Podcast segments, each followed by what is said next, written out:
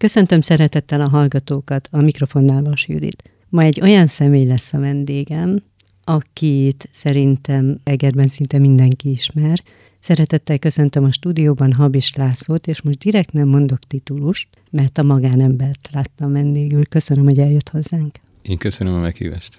Mielőtt egy kicsit az életutat végigjárjuk, előtte a jelenről kérdeznék. Hogy van mostanában, mivel töltél nyarat?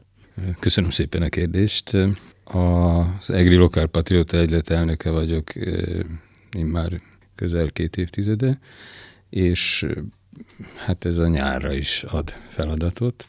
Nem olyan nagyon régen szerveztünk egy sétát például a várban, egy csodatos kiállítás van a, a gótikus palotában, vidéki múzeumok anyagából, és a szakmai közgatóért és asszony tartott egy bemutatót, azt gondolom, hogy mindenkinek maradandó élményt jelentett, és e, nyilván készítjük elő az augusztus 19-i Fákás király köszöntőt, és e, hát a napokban volt alkalma Érsek úrral találkozni, és e, hozzájárult ahhoz, hogy augusztus végén vagy szeptember elején a felújított foglárúti épületet, a hittudományi főiskola épületet megnézhessük majd hasonló módon. Én már ilyen félkész állapotban egyébként láttam a házat, és egészen fantasztikus, hát köztudomású, egy várostörténeti jelentőségű épület, és büszkék vagyunk arra is persze, hogy Petőfi Sándor annak idején itt töltött pár napot. De ezek csak példák arra, hogy természetesen az egyesületi élet az nyáron sem áll meg. Ezen kívül éppenséggel egy egy szem kisfiú unokámmal tegnap voltunk fagyizni a, a Stümerben, és uh, nyilván a, a két nagyobb lány, akik már első osztályt végeztek részint Pesten, részint Egerbe, őket is, hogy mondjam, igyekszem néha dédelgetni egy kis programmal. Tehát van egy kis munka, ami lehet, hogy kikapcsolódás is, meg van az unokázás és a szabadidőtöltés. Amikor beszélgettünk legutóbb, azt hiszem az 56-os események 60. évfordulóján készítettem egy dokumentumfilmet, és ott ültünk az érsekkertben, és beszélgettünk az ön édesapjáról, aki, ha jól emlékszem, a dobóban tanított, és részese volt az EGRI 56-os eseményeknek és ott nagyon elérzékenyülve beszélt az édesapjáról. Ön is egri, egri születésű, Gárdonyiban végzett. Milyen értékeket hozott otthonról? Mi az a családi millió, amibe ön becsöppent? Valóban a szüleim pedagógusok voltak. Édesanyám általános iskolai tanítónő, az angol kisasszonyoknál végzett annak idején, és hát miután egy darabig nevelgetett minket a bátyámat meg engem, utána akkor még vidékre került fel németre tanítani először, és utána az egykori ötös iskolába, a Deák Ferenc iskolában végezte a, a további munkáját, tanítónőként ment nyugdíjba is. Édesapám pedig háború előtt a cisztereknél kezdett el civil tanárként tanítani. Ő magyar nyelvirodalom tanár volt, német szakot végzett, olasz szakot végzett, aztán végül is legtöbbet angolt tanított életében. Az államosítás, a ciszterek államosítása után került át a dobóba, és hát vannak különböző könyveim, amiben ő szerepel. Egyrészt van egy a levéltárnak egy anyaga, egy vastag dokumentumkötet az 56-os történésekről, abban is többször előfordul a neve. Ő vezette az úgynevezett tanári gyűlést, én városi tanári gyűlést, őt kérték meg arra, hogy foglalja össze a tanárok álláspontját, követeléseit, ha úgy tetszik, és aztán hát feljelentették, internálták. Megfigyelték. Kis tartsám, meg, meg tökölön is több hónapot, aztán hazakerült, de fölmondtak neki, szóval nem volt egyszerű az élet akkoriban. Az értékek, amiket kaptam a szüleimtől, az, az biztos, hogy a, az első számú a család szeretet és a, a család összefogása. Nagyszüleimnek is mindkét oldalon nagyon nehéz sorsa volt, tehát ha, ha nem én rólam szólna ez a dolog, ez a mostani beszélgetés, akkor hosszasan tudnék beszélni. Elsősorban a fiatalok számára érdekes ez szerintem, mert a 20. század összes nehézsége benne volt az én felmenőim sorsában. De ez mit jelent pontosan? Apai nagyapám asztalos mester volt, ő szerencsétlenségére Doberdónál harcolt és sebesült meg. Öregkorára sajnos el is vesztette teljesen a látását ennek a sebesülésnek a következtében. Anyai nagyapám meg a másik irányban, a galíciai fronton esett orosz hadifogságban, még nagyon fiatal emberként, öt évig volt Oroszországban, a borzalmakat sokszor elmesélte. A Murmanszki térségben a befagyott tengeröblön fenyőfákat cipeltek meg, hát meg fagyások, meg stb. Aztán hazajött, családot alapított, három gyermek született, köztük édesanyám, ő volt a legidősebb. Mondhatni, hogy egy jó polgári egzisztenciát fel tudott építeni. Aztán jöttek a rákosi idők, nagyjából elvették tőle mindenét, stb. Ezek sok tekintetben befolyásolják az életszemléletemet, mert azért az 50-es években, hát ha azt mondom, hogy szerényen éltünk, akkor, akkor egy nagyon ányalt kifejezést használok, és ebből is adódik a későbbiekben is, hogy én tőlem idegen a rongyrázás, a hivalkodás, a, az, hogy most milyen autót használok, vagy hogyan élek, tehát láttam sok olyan dolgot a családban, amikor valaki vészesen nehéz helyzetbe került, és újra és újra fel kellett állnia és ez nekem nagy tanulság. Tehát amikor én ö, úgy éreztem, hogy nehéz helyzetben vagyok, akkor igazából abból merítettem erőt, hogy a szüleim, nagyszüleim, adott esetben dédszüleim milyen nehézségeket éltek át, és maradtak gerinces emberek.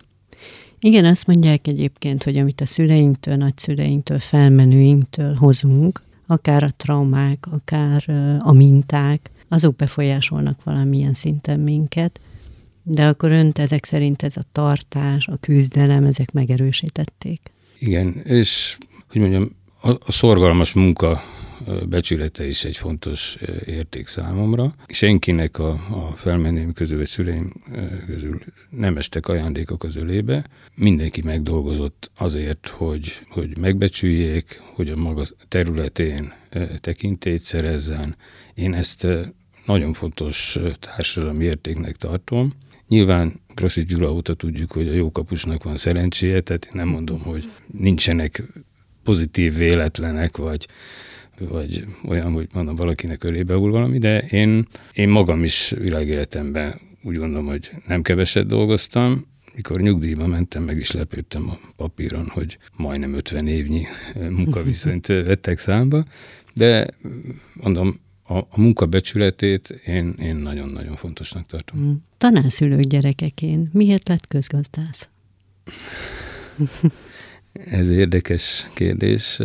Édesapámat nagyon sokan ismerték, évtizedekig tanított gimnáziumban, de évtizedekig tanított egri orvosokat is nyelvekre, németre és angolra is. Akkor még nem volt internet, hanem mondjuk járt a kórházba egy szem orvosi heti lap, vagy valami, nem, mint nem magyar, hanem idegen nyelvű, és akkor abból próbálták például az orvosok nyomon követni a tudomány fejlődését. Jó apám egy hallatlanul elméleti ember volt, ennek az összes szépségével, hogy úgy mondjam, és én meg úgy gondoltam, hogy tisztelve az ő műveltségét, nyelvtudását, nyelvérzékét, hogy valami gyakorlatilasabb irányt adok az életemnek. Az ő megrőkönyödésére egyébként elsőre a vendéglátóipari főiskolára jelentkeztem, ebbe kicsit bele volt betegedve. Mint mi szeretett volna lenni? Gondoltam, hogy, hogy elindulok a turizmus a vendéglátás területén. Egyébként a főiskolán fantasztikus emberek oktattak, talán egy Csizmadia László neve még ma is sokat mond a, a itt a parkszállót is vezette egy időben, de egy nagy tudású szaktekinté volt, vagy tanított például Gundel Ferenc, óriási élmény volt őt hallgatni, és sok kitűnő tanárom volt ott, például a Tátrai Bendes Tátrai Tibor édesapja volt a, a séf, akitől főzni tanultam, és ez, ez Ezek szerint ön tud főzni. Tudok főzni, szeretek is, de például olyan intelligens embert, mint őt keveset ismertem életemben. És ezzel az, ez, tehát a, a szándékom beidegazolódott, hogy, hogy az alatt, azok alatt az évek alatt nagyon sok értéket kaptam, és utána eleve úgy ez volt az elhatározás a mesterterv, hogy úgy mondjam, hogy azonnal folytatom a közgázon. Tehát gyakorlatilag a diplomunkámat ilyen szállodaüzemeltetés gazdaságossági kérdésekből írtam és aztán ez 77-ben szereztem az egyetemi diplomámat, és utána csak ugye a számok játéka, hogy 1988-ban lettem idegenforgalmi szakközgazdász, és 99-ben még szereztem, akkor éppen Budapesti Közgazdaságtudományi Egyetemnek hívták az intézményt. Egy Európa tanulmányok diplomát szereztem 99-ben. De igen, utána kettő követte. Majd az utóbbira visszatérünk, hogy ez miért volt fontos. Időről időre fontos szerintem, hogy az ember, tehát szokták mondani ezt a bizonyos lifelong learning című szép angol kifejezést, de hát valóban egy életen át kell tanulni, én igyekszem ma is tanulni. Mm de aztán valahogy a közélet felé kezdett vonzódni, vagy úgy éreztem, hogy ebben részt kell vennie. Ennek mi volt az oka? Hát, Mivel kezdődött? Valójában ez, ezt a rendszerváltás hozta ezt a lehetőséget számomra, hiszen 1990 végén eh, dr. Inge Hangyölgy megválasztott polgármester keresett meg, még élek nem felejtem el, hogy a eh, Vármegye háza udvarán a hatalmas gesztenyefák alatt álltunk meg és beszélgettünk, és hát eh, ő mondta, hogy rám gondolt, hogy az egyik alpolgármester én legyek, ugye akkor is lehetővé tette a jogszabály, hogy kívülről választanak alpolgármestert, azt mondta, hogy szükségem van egy olyan emberre, aki gazdasági kérdésekhez ért, közgazdász, akinek van közigazgatási tapasztalata, aki beszél nyelveket. Hány nyelvet beszél, ha megkérdezhetem? Hát legjobban németül beszélek, aránylag elfogadhatóan beszélek angolul is, emlékezetes egyszer egy amerikai nagykövet asszonyjal másfél órás beszélgetésünk volt az egri civil szféráról. E, arra vagyok hát büszke. tud angolul. Hát volt vagy hat egy hét e, követségi alkalmazott kísérletében. Én mondtam, hogy ha valamit e, rosszul mondok, vagy nem értjük egymást, akkor majd igénybe veszük a tolmácsot, de megmondom őszintén, hogy olyan kényes volt a téma, hogy én úgy gondoltam, hogy, hogy jobb, ha én mondom, és nem, nem teszem ki magamat a tolmács közreműködésének, és hát valamelyest beszélek oroszul is, abból alapfokú nyelvvizsgálomon vicces módon a Gárdonyiba orosz tagozatra jártam. Én úgy gondoltam, hogy nem árt egy szláv nyelvet tudni, mert akkor az kínálja magát, hogy, hogy esetleg ha ha nem oroszul kell tudni, akkor lengyelül már könnyebb megtanulni. Végül is erre nem került sor az életembe, de egy a lényeg, hogy a Ringahan Gyuri, ha szabad így mondanom, polgármester úr kért föl rá. Én akkor kicsit kétkedtem, hogy engem meg fognak választani, mert tudtam, hogy mennyien szeretnének alpolgármesterek lenni, de azt végül is volt egy megállapodás, hogy egyik alpolgármestert az SDS jelölhette, aki megnyerte a 90-es választást, a másikra meg polgármester kapott mandátumot, hogy ez, ebben az ő szava legyen döntő. Ezt az időszakot, pályájának ezt a részét milyen értelemben lehet ö, úgy megítélni, hogy, hogy sikerről vagy kudarcról beszélnünk, egyáltalán meg lehet-e ebből a szempontból ítélni? Ez az első kérdés, a másik pedig, hogy ha igen, akkor akár a városvezető, akár a korábbi pozíciót, mit tart igazán sikernek, és van-e benne kudarc? Hát ha megengedi, én, én időrendet tartanék. 8 esztendeig, tehát 90-től 98-ig voltam alpolgármester. Az egy nagyon különös időszak volt, hiszen sok esetben még nem is voltak meg a, az ügy megoldásához a szükséges törvényi háttér feltételek, és azt gondolom, hogy sok olyan dolgot megcselekedtünk az alatt a nyolc év alatt, amelynek az eredményei még ma is működnek az élet több területén. Bocsánat, tudja, hogy miért kérdeztem ezt? Az objektivitás miatt, mert lehet, hogy az egyik oldal, vagy mondjuk ön ítél valamit sikernek, de lehet, hogy mit tudom én, a másik oldal nem. Tehát objektív szempontból siker, illetve kudarc. Én akkor erre a nyolc évre azt mondom, hogy annyiban mindenképp siker, hogy én is arra én büszke vagyok személy szerint, hogy mi alkottunk egy városi stratégiát, egy városi stratégiai tervet, egy egyébként egy kanadai-magyar kormány együttműködés szakmai hátterével valósult meg, kiválasztottak néhány önkormányzatot, ez köztársasági elnöki szinten dőlt el egyébként, és én két alkalommal is több mint egy hónapot tölthettem Kanadában tanulmányúton. Ezt azért mondom, mert ma teljesen természetes, hogy az Európai Uniós viszonyok között egy területfejlesztés operatív program, egy 7 éves program, egy stratégián kell, hogy alapuljon. akkor nagyon kevés településnek volt stratégiája. És ez azért nagyon lényeges, mert a stratégiában mi néhány alapvető pontot meghatároztunk, és nehezen tudom elképzelni, hogy mondjuk az, hogy létrehoztuk akkor az egriipari parkot, és ennek révén ehhez kapcsolódóan az úgynevezett K2-es utat, a déli összekötő utat meg tudtuk építeni a akkori baloldali kormány, Lotz Károlynak hívták a közlekedési minisztert, egy kitűnő műveltségű ember volt. Tehát, hogy azon nem hiszem, hogy különböző pártok vagy érdekcsoportok vitatkoznának, hogy Egernek szüksége van iparfejlesztése. És ennek a szervezeti, technikai és egyéb feltételét akkor megteremtettük, ez volt az egyik sarokpontja a stratégiánknak.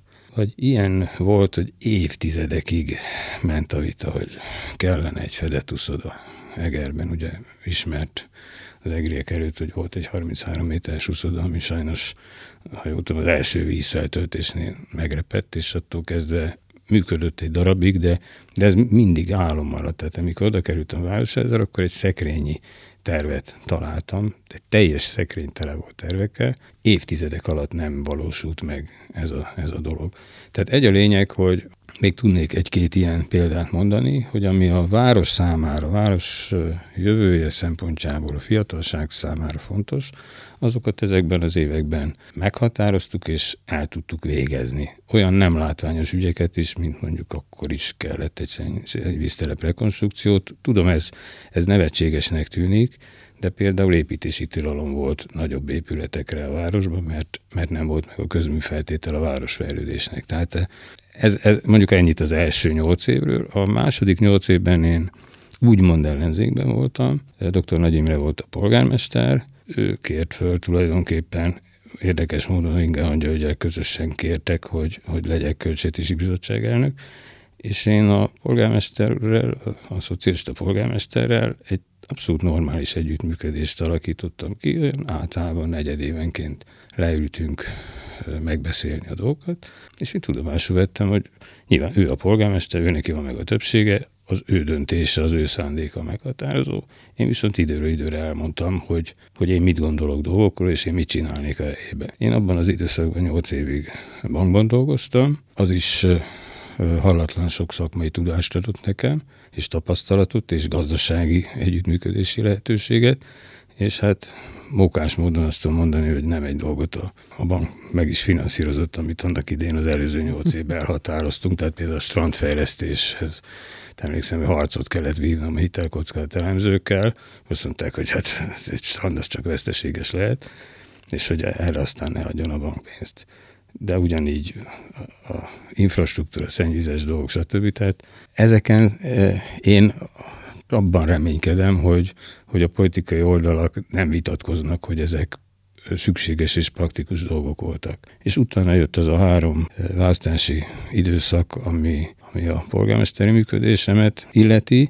Én azt gondolom, hogy a sok-sok munka azért előre vitte ezt a várost, és én ma is ezerrel szurkolok Egernek, tehát eh, tőlem nagyon távol áll az a felfogás, hogy a más irányt hoztak a városnak a, a választások, akkor ez a bizonyos minél rosszabb, annál jobb, ez tőlem nagyon távol áll. Tehát én nekem egyfajta mániám volt az, hogy egész életemben, hogy Eger egy skanzen legyen. Hogy egy értékeire, történelmi, természeti, humán értékeire büszke város legyen, de amelyik fogékony az újra, amelyik vonzó tud lenni a fiatalok számára, vonzó a gyermeket vállaló családok számára. Én szerintem ezek az értékek, persze ma minden megkérdőjelezhető, de szerintem irányvonalnak inkább elfogadható kell legyen. Legalábbis remélem, hogy ez. Igen, azon gondolkodtam, hogy amikor úgy döntött, hogy indul, akkor biztos volt egy elképzelése, hogy milyen eget szeretne, például amit most elmondott, ami nem a hivatalos rész, tehát nem lett leírva hivatalosan, hanem mondjuk otthon a családban, vagy barátok között, ugye egymás között elmondták, hogy figyelj, én egy, valójában egy ilyen városban szeretnék élni, és hogy mik voltak ezek a jellemzők, mégis egyet már, vagy akár nevezhetjük egy komplexebbnek is, már elárult. Én azt sem mondom, hogy mindig azt akartam, hogy, hogy az én személyes elképzeléseim valósuljanak meg. Tehát, Jó, de hát ez fontos. Én azt gondolom, igen. Akkor mondok egy példát, az első időszakról nem említettem, hogy az első nagy jelentőségű döntés az volt, hogy épüljön meg a Pásztorvölgyi iskola 90 után, és ma már ezt hát aki, aki dolgozik önkormányzatban, vagy dolgozott, az tudja, hogy milyen jelentőség, hogy ez teljes mértékben önerőből építette meg a város. Tehát nem volt állami támogatások, meg unió, csak az elképzelések vagy a vágyálmok szintjén szerepelt. Tehát, hogy, hogy például volt egy ilyen célunk, és az is cél volt, hogy, a, hogy egy olyan iskola legyen, amelyik beleillik abba a millióbe, ugyanis megörököltünk egy ilyen mezőpanel épülettervet, és úgy gondoltuk, hogy a felnémeti városrész, amelyik végül is egy falusias jellegű, egy, egy nagyon szép környezetben levő településrész, ne egy ilyen üzemkinézetű iskola legyen, hanem egy olyan, amelyik a hagyományokhoz jobban igazodik, és akkor például ezt sikerült megvalósítanunk, és nagyon örültem, hogy meg tudtuk csinálni a tornatermet, a konyhát. Tehát, hogy egy komplet iskolát csináltunk, ami picit a település résznek egyfajta humán közéleti központja is lett. És ezek, ezek olyanok, amelyeket szerintem azóta se kérdőjeleztek meg. Tehát a sikert abban méri, aminek a meglétét, megvalósulását nem kérdőjelezik meg, hogy ez kellett, ez hasznos volt, ez jó volt. Hát akkor korrigálom magam egy kicsit, mert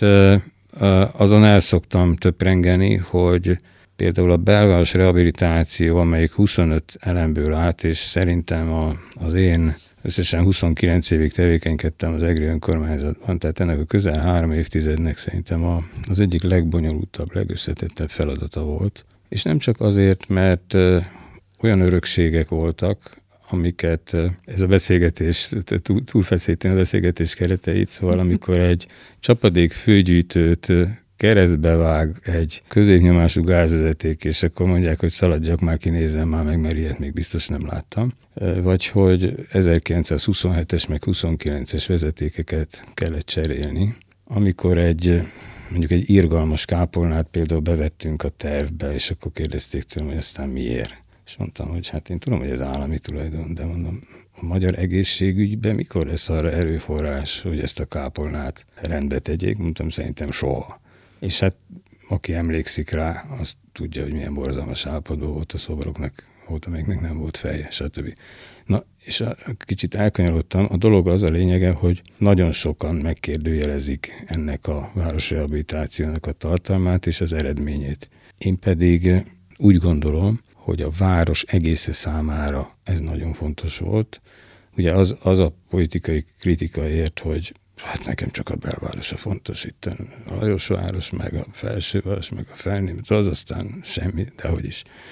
Úgy gondolom, hogy minden egrinek a büszkesége az egri történelmi belváros, óriási építészeti értékeket képvisel, és az egri turizmusnak is az egyik pillére, hogy, hogy gondol valaki egyet Pesten vagy Debrecenben, és azt mondja, hogy szaladjunk el a hétvégén Egerbe, és sétáljunk egy jót, és együnk egy jó fagyit, és ígyunk egy jó pohárbot, és, és nem nagyon szoktunk szívesen elmenni olyan helyre, amelyik szegényesen néz ki, amelyik kopottas.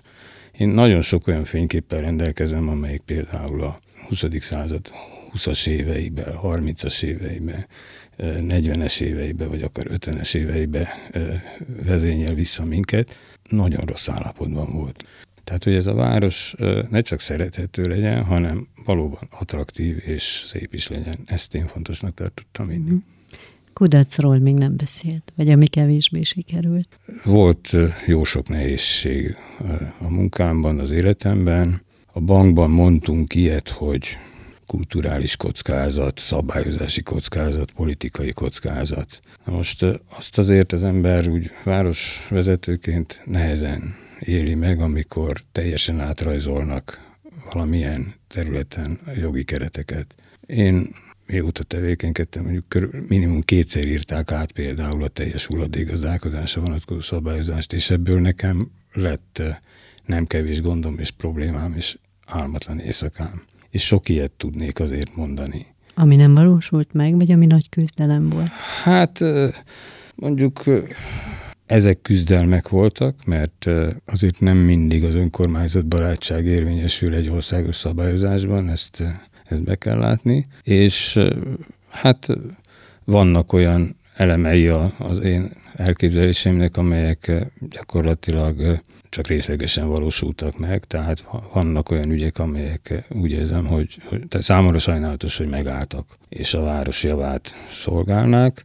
Én bízom abban, hogy az egriek bölcsessége több területen ezzel a folytatást segíteni fogja. Egy tízes skálán mennyire volt csalódott 2019-ben? Hát egy tízes skálán tíz. tíz. Tehát ez, ne, ez nekem nagy csalódás volt. Én ezen rengeteget töprengtem. Az okokon? A, igen, az okokon. Én összesen tíz pontot írtam össze magamnak, fölírtam ezeket, hogy mik vezettek a, ehhez a választási kudarchoz. És megvan még? Eltette emlékbe? Természetesen. De hát ezt tudomásul kell venni, hogy, hogy egyrészt ilyen a politika, meg egy picit azt, azt, azt fájlalom, én a, a Tarlós Istvánnal szoktam tartani a kapcsolatot, elég jó személyes kapcsolatban álltunk, állunk, és a napokban tett egy nyilatkozatot, a, egy beszélgetés a, a Hír TV-ben vele, és egy, egy mondatát nagyon, hogy mondjam, bevéstem az agyamba, visz, meg is írtam neki egy SMS-be, azt mondta, hogy a kommunikáció felülírja a valóságot. És ez ez azért szerintem a közéletben, a politikában ez egy, ez egy nagyon izgalmas kérdés. Én ezt kicsit fájlalom, de ez a valóság. Tehát a kommunikáció felülírja a valóságot. Ön úgy élte az élete nagy részét, akár közgazdászként, akár már közéleti személyiségként, hogy mindig be volt tervezve minden, nem csak napja, szerintem órái is, az ébredéstől kezdve az elalvásig. Nem volt ez teher, hogy mindig mások megmondják, hogy mit mikor kell tenni? Vagy hozzá lehet ezt szokni? Én, én úgy éreztem, ez tényleg egy ilyen abszolút szubjektív dolog, tehát én, én, én úgy tudtam valamit eredményesen megcsinálni, hogy, hogy sokat dolgoztam rajta. Tehát, hogy én csapatjátékos voltam, nem egy témában 5-8-10 kollégát hívtam meg, vagy az összes érintettet és ezek, ez időigényes dolog. Tehát én, én nem úgy végeztem a munkámat, hogy álmot látok, és homlokomra csapok, és már csináljuk is. Miért nem? és mondom, ez időigényes volt, tehát arra ügyeltem, polgármesterként, hogy eh, tetszett kérdezni, hogy, hogy legalább a hét egy napja szabad legyen, nem azért, mert annyira lusta vagyok, hogy csak hat napot akarok dolgozni. Nem van család is. Hanem meg, meg, hogy a következő hetet hogy bírja az ember. Tehát kipróbáltam idézőjelben, hogy volt részem abban, hogy mind a hét napot végig dolgoztam, és akkor a következő héten éreztem, hogy, hogy visszaüt ez. Tehát, hogy az embernek van egy terbíró képessége, kell a lelki egyensúlyhoz is az, hogy egy kicsit, igen, az ember lazít, pihen, mm. zenét hallgat, sétál, úszik egyet, vagy... Kikapcsolja a telefont. Igen, igen, igen. Ez így van. Nem tudom, elárulhatom-e, hogy tavaly volt 70 éves. Mindegy, most már elárultam. Foglalkoztatja a kora? Igen, foglalkoztat. Szeretnék tartalmas életet élni a következő időszakban is. Sportol valamit például? Hát nem tudom, hogy sportnak merjem-e nevezni, mert a, tehát az, hogy hány lépést teszek egy nap, az a telefonom egyik legfőbb értéke, és előfordul este, hogy mikor ránézek, akkor úristen, összekapom magam, és megyek még egy-két kilométert, meg hát igyekszem tornázni, meg ha szerencsém van, eljutok úszni, és most éppen napokban unokámmal is voltam. Egri strandon. Hát ér... akkor igen, fizikailag is tesz azért, hogy Igyekszem, igen. Egészséges igen, maradjon. Igen. Meg gondolom lelkileg is, szellemileg is igyekszik karban tartani a magát. Párhuzamosan négy könyvet olvasok. Jó, nagyon, hát akkor igen. Na, nagyon más műfajokban egyébként. Van olyan, amelyik eh, egy ilyen alibi könyv, amit a Alexander Brody gyermekeitől is kaptam egy párat, amelyek nagyon rövid írásokat tartalmaznak. Aztán olvasok olyat, amelyik, eh, amelyik eh, gyakorlatilag pszichológiai, önismerettel, emberismerettel kapcsolatos, és aztán van egy, egy közgazdasági szakkönyv, amelyik a, egyébként a döntéseknek a, a hátterét dolgozza fel, tehát nem, nem egy matematikai könyv, hanem összekapcsolja az emberi gondolkodást a száraz statisztikai tényekkel. Egy, egy, két angol tudós írta egy rendkívül érdekes könyv, és egy igazi szép irodalmat is olvasok, úgyhogy mikor melyikhez van kedvem, Én, én viszonylag lassú olvasó vagyok, én szeretem ezeket megrágni, végig gondolni. Most azért valljuk be nyugodtabb időszakot él, mint három évvel ezelőtt, vagy négy évvel ezelőtt, de gondolkodik -e azon, ha nem szeretne, ne válaszoljon rá, eljátszik-e azzal a gondolattal, hogy visszatérjen valamilyen szinten? Én most inkább ilyen háttérmunkákat végzek, tehát nem tudtam, hogy mondjam, teljesen letenni a lantot. Bizonyos ügyek nagyon érdekelnek, és készítek is néha rövidebb feljegyzéseket bizonyos témákban, és elküldöm javaslatként azzal, hogy nyilván ha, ha az érintett a címzet úgy látja, hogy ezzel foglalkozni kell, akkor, akkor tudunk róla beszélgetni. Most is egy ilyen típusú megbeszélésen voltam különben. És hát a, én inkább a, a civil szférában gondolom el, hogy, hogy még nem régen egy fél éve választottak meg újra négy évre az egylet elnökének, és én ezt egy fontos hivatásnak tartom, hiszen Egerben a civil élet az nagyon értékes. És voltak ilyen kezdeményezéseink tavaly például, hogy középiskolás városismereti vetékedőt szerveztünk, hogy ez a bizonyos csillaga verseny, ha szabad így mondani, címelnyerés ezt is látom, hogy, hogy ez foglalkoztatja az embereket és érdekli őket, és az idén most mi törjük a fejünket, hogy egy az egri zenei élettel kapcsolatos eseményt is szervezzünk, mert úgy látjuk, hogy néhány nagyon tehetséges zenei együttes egészen méltatlan helyzetbe került a mai gazdasági körülmények következtében, és azon gondolkodunk, hogy hogyan lehetne nekünk ebben civilként, hogy mondjam, katalizátorként működni, tehát egy eseményt szeretnénk szervezni, ennek volna egy célja, hogy katalizáljuk azt, hogy, hogy a, az egri zenei élet résztvevői több lehetőséghez jussanak. Hát én kívánok mindenhez önnek kitartást, nagyon tartalmas, hasznos, hosszú éveket, és nagyon szépen köszönöm, hogy elfogadta a meghívásomat. Én is hálásan köszönöm a lehetőséget. Kedves hallgatóink, köszönjük, hogy velünk tartottak önök. Habis Lászlót és Vas Juditot hallották. Viszont hallásra.